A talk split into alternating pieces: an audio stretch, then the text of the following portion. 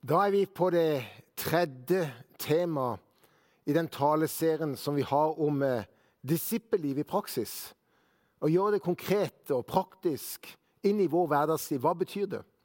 Og så la jeg et fundament, eh, vil jeg si, med tre taler om nåde, om sannhet og om kraft, som jeg virkelig ønsker at du skal se som en bakteppe og en fundament for eh, disse talene som vi nå skal ha over en 10-12 søndager om disippelliv i praksis. Og Jeg nevnte også tidligere at eh, når det gjelder dette med disippel, så, så, forekommer faktisk bare ordet kristen tre ganger i Bibelen. Mens ordet disippel forekommer 269 ganger. Og det er jo av og til sånn at noen tror at jeg kan si at ja, men jeg ønsker å være en kristen, men disippel det er noe jeg kan velge. Men det er veldig ubibelsk. En kristen er en disippel, en etterfølger, en imitator av Jesus. Men så er jo dette som er så vanskelig, det handler om vaner. Og det er jo sånn at vaner kan være både vaner og uvaner og gode og dårlige vaner. Og det som skjer, det er jo at vanene kommer til når vi gjør ting gjentatte ganger. Det er det som blir en vane og blir et mønster og blir en del av vår atferd. Og til slutt en del av vår personlige karakter. Det som gjør at jeg er på en måte. Ja, det er sånn det er. Men det er jo en mulighet til å endre vaner eller innarbeide nye vaner. Og det snakka også eh, Andreas Magnus om. Men det som er utfordringen, det er jo dette. Det at I dagens samfunn så har vi så mange valgmuligheter. Og det er så mange forandringer som skjer. Og det skjer mer og mer. At når Andreas Magnus snakka, så sa han noe om det å klare å komme seg ut. At en slipper å ta alle valgene. For det er så stressete for hjernen.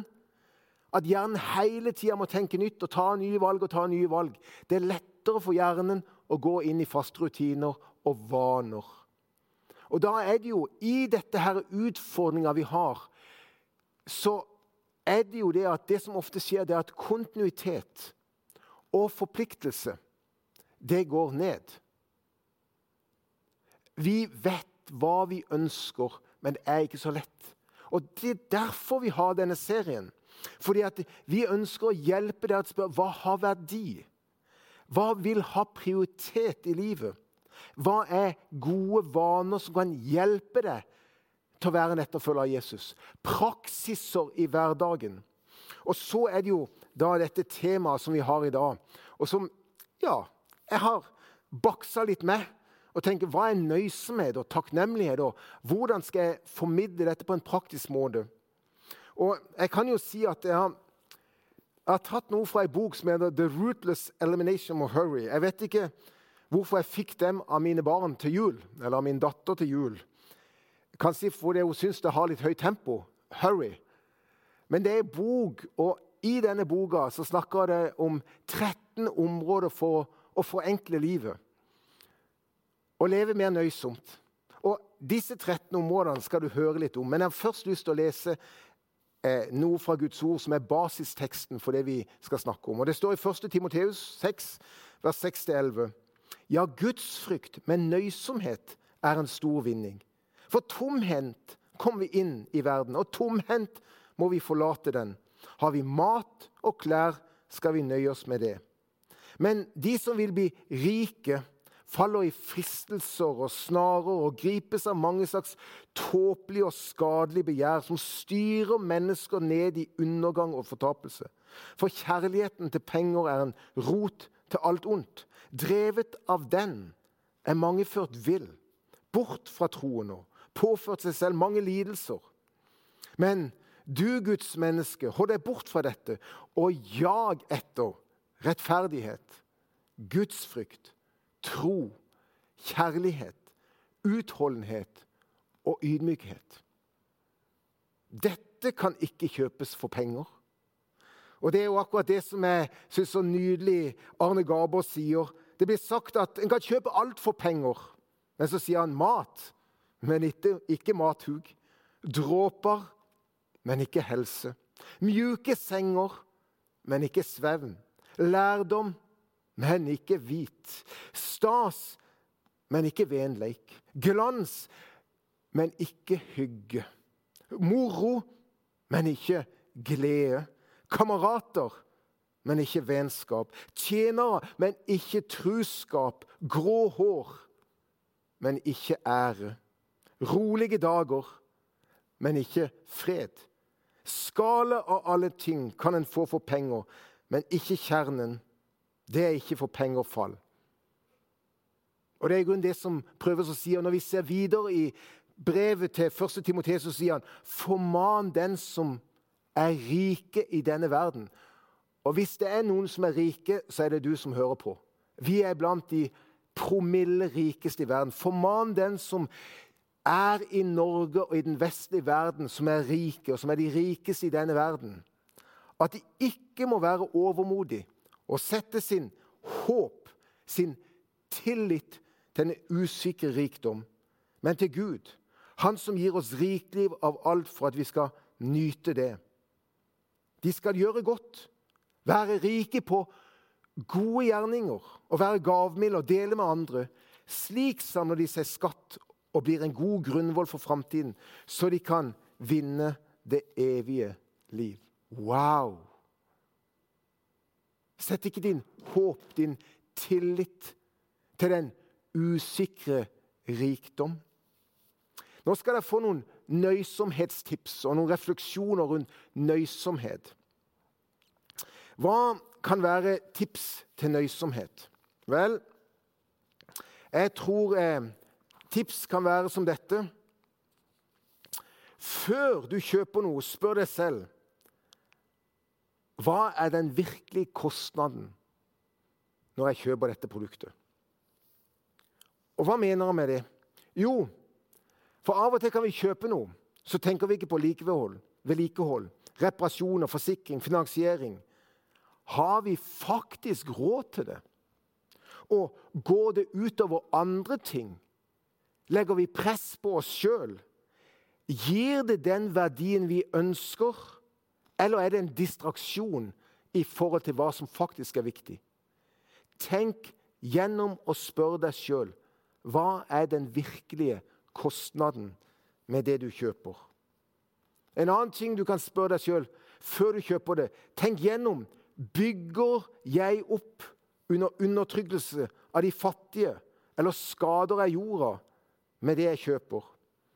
Vi snakker i dag om rettferdig handel. Har du hørt det? Rettferdig handel. Mye av det vi kjøper, er laga av mennesker, og ofte hovedsakelig kvinner, som jobber under dyp undertrykkelse og dårlige sosiale forhold. Og for, i for mye av alt som har med klesindustrien, så er det tilfellet.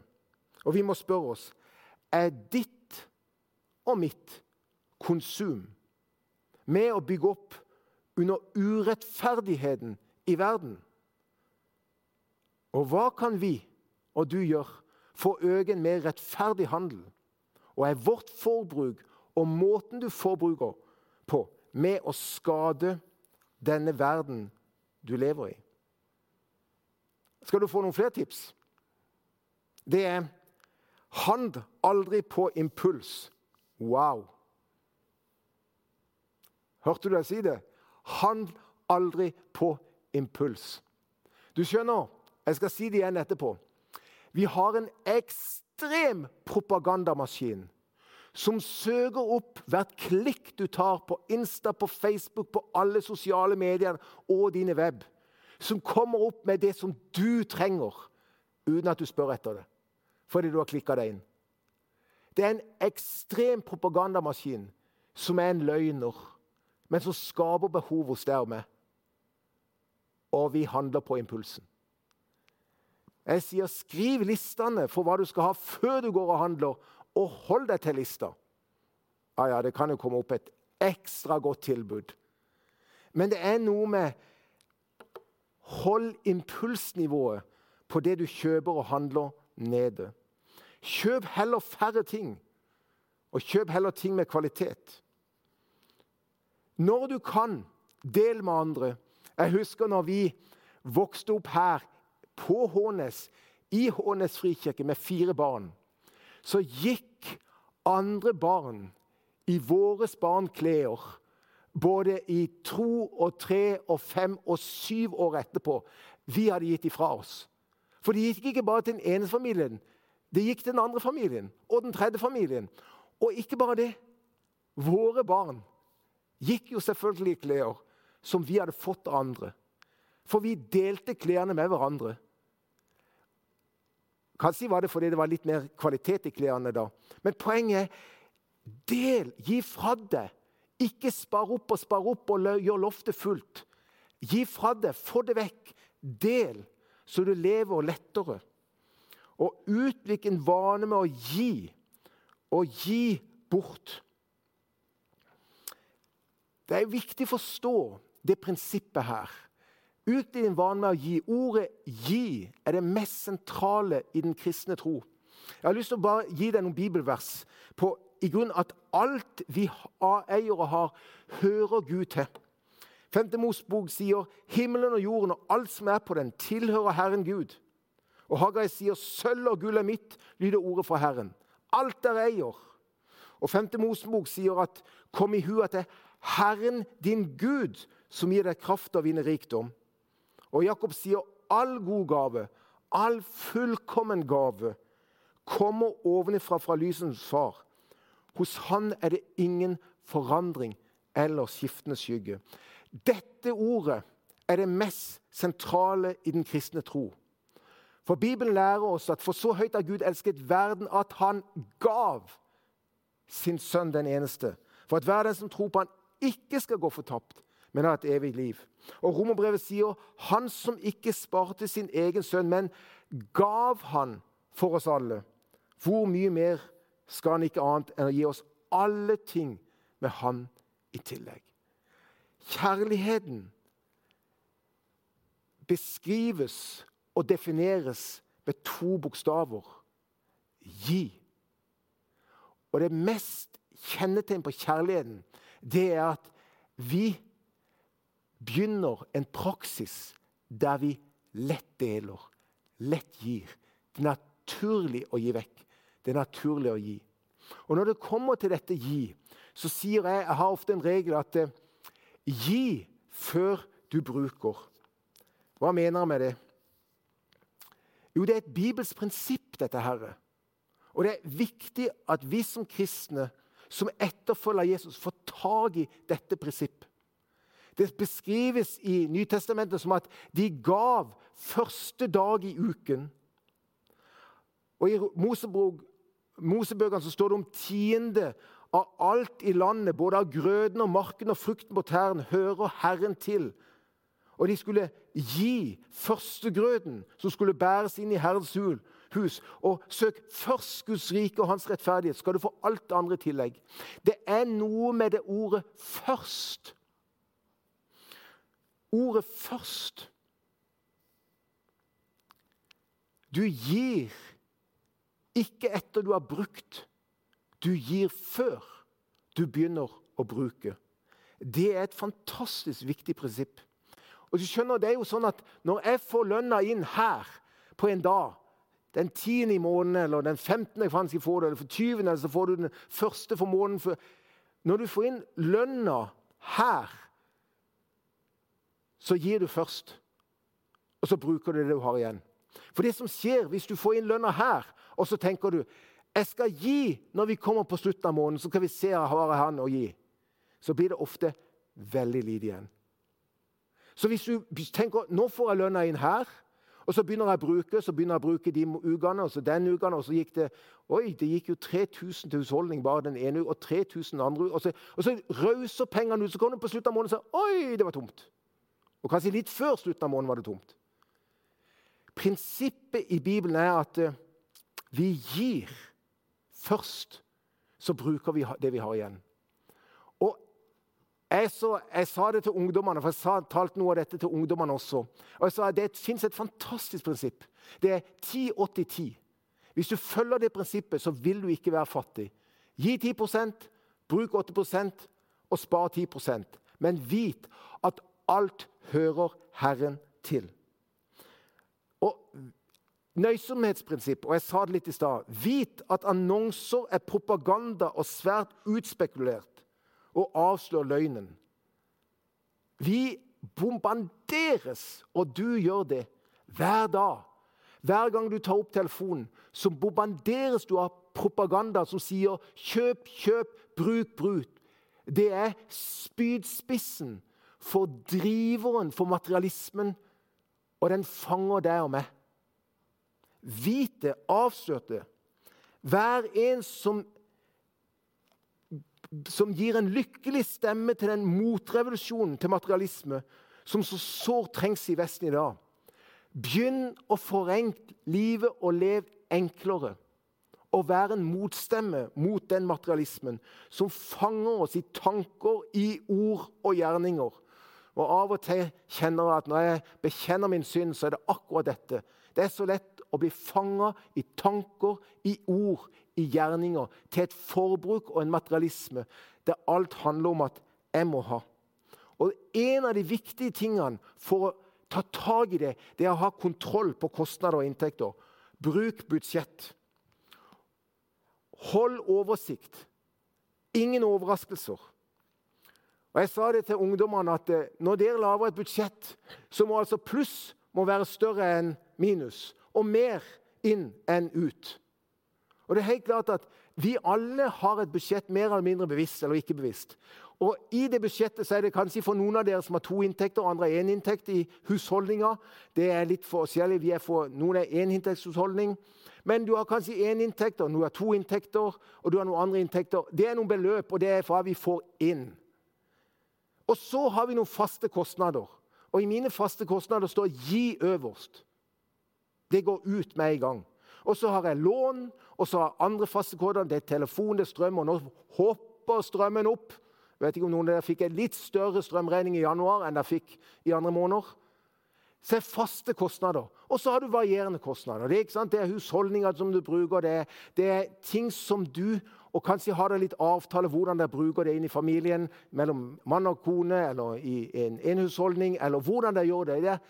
Men det jeg prøver å si Hvis du mister kontrollen, så er det andre som tar over styringa. Så det jeg prøver å si, det pluss må være større minus, og mer må inn enn ut. Og det å ha kontroll og ha et enkelt regnskap, og det kan vi hjelpe med. Og det er der Jeg sier, jeg tror jo på dette prinsippet som heter 10-80-10. Det er at du er med, og så ha en buffer.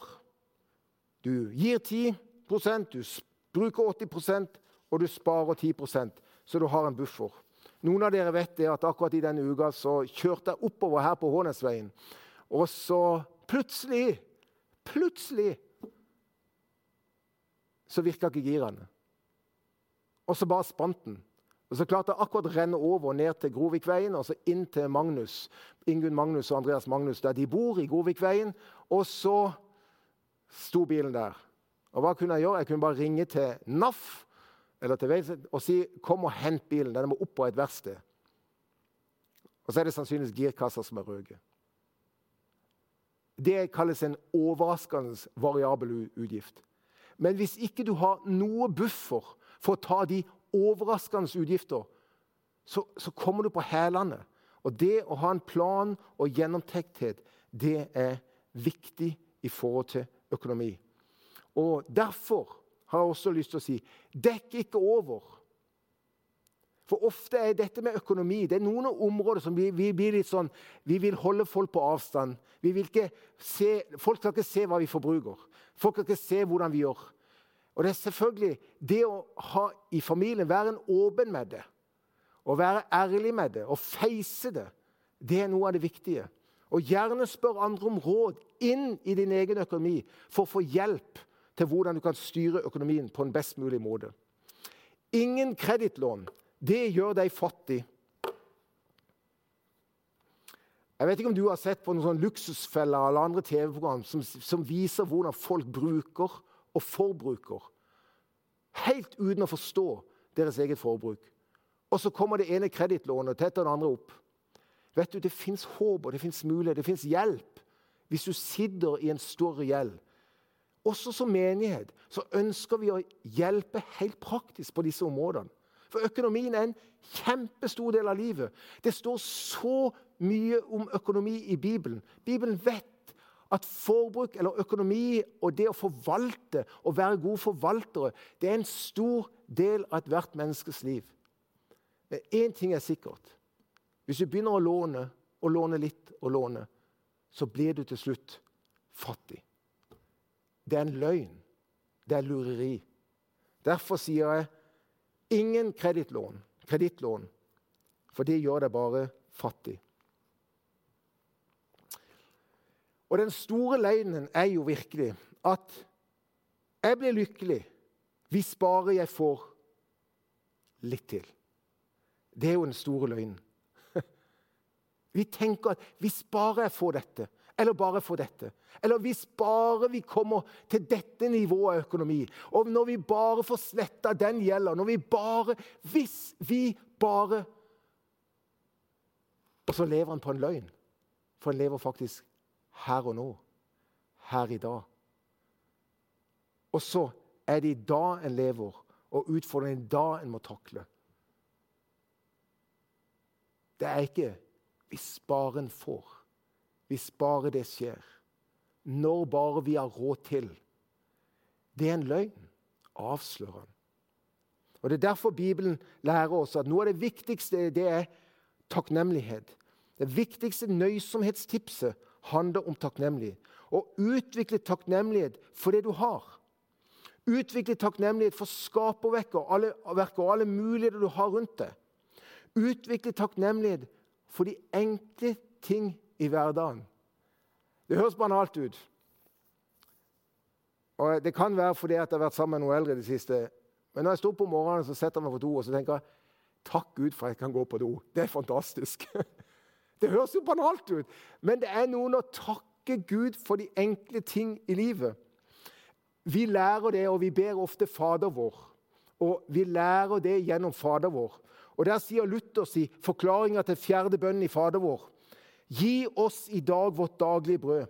De gaver han gir, er alt vi trenger til legemets opphold, slik som mat, drikke, klær, sko, hus, hjem, åker, fe, penger, eiendom, gode ektefelle, gode barn, gode medarbeidere på jobb, arbeidsgiveren kan stole på, gode styresmakter, godt vær, fred, helse, gode vaner, godt navn og rykte, gode venner, trofaste naboer og mer slikt.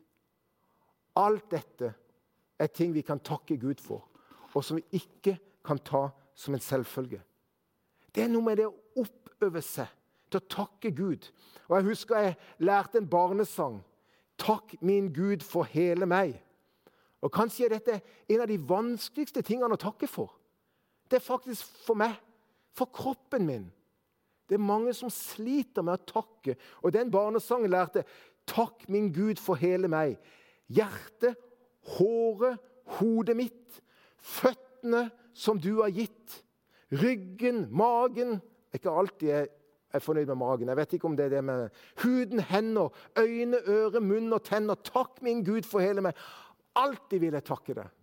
Wow! Det var barnesangen. Jeg husker vi sang den i et barnekor.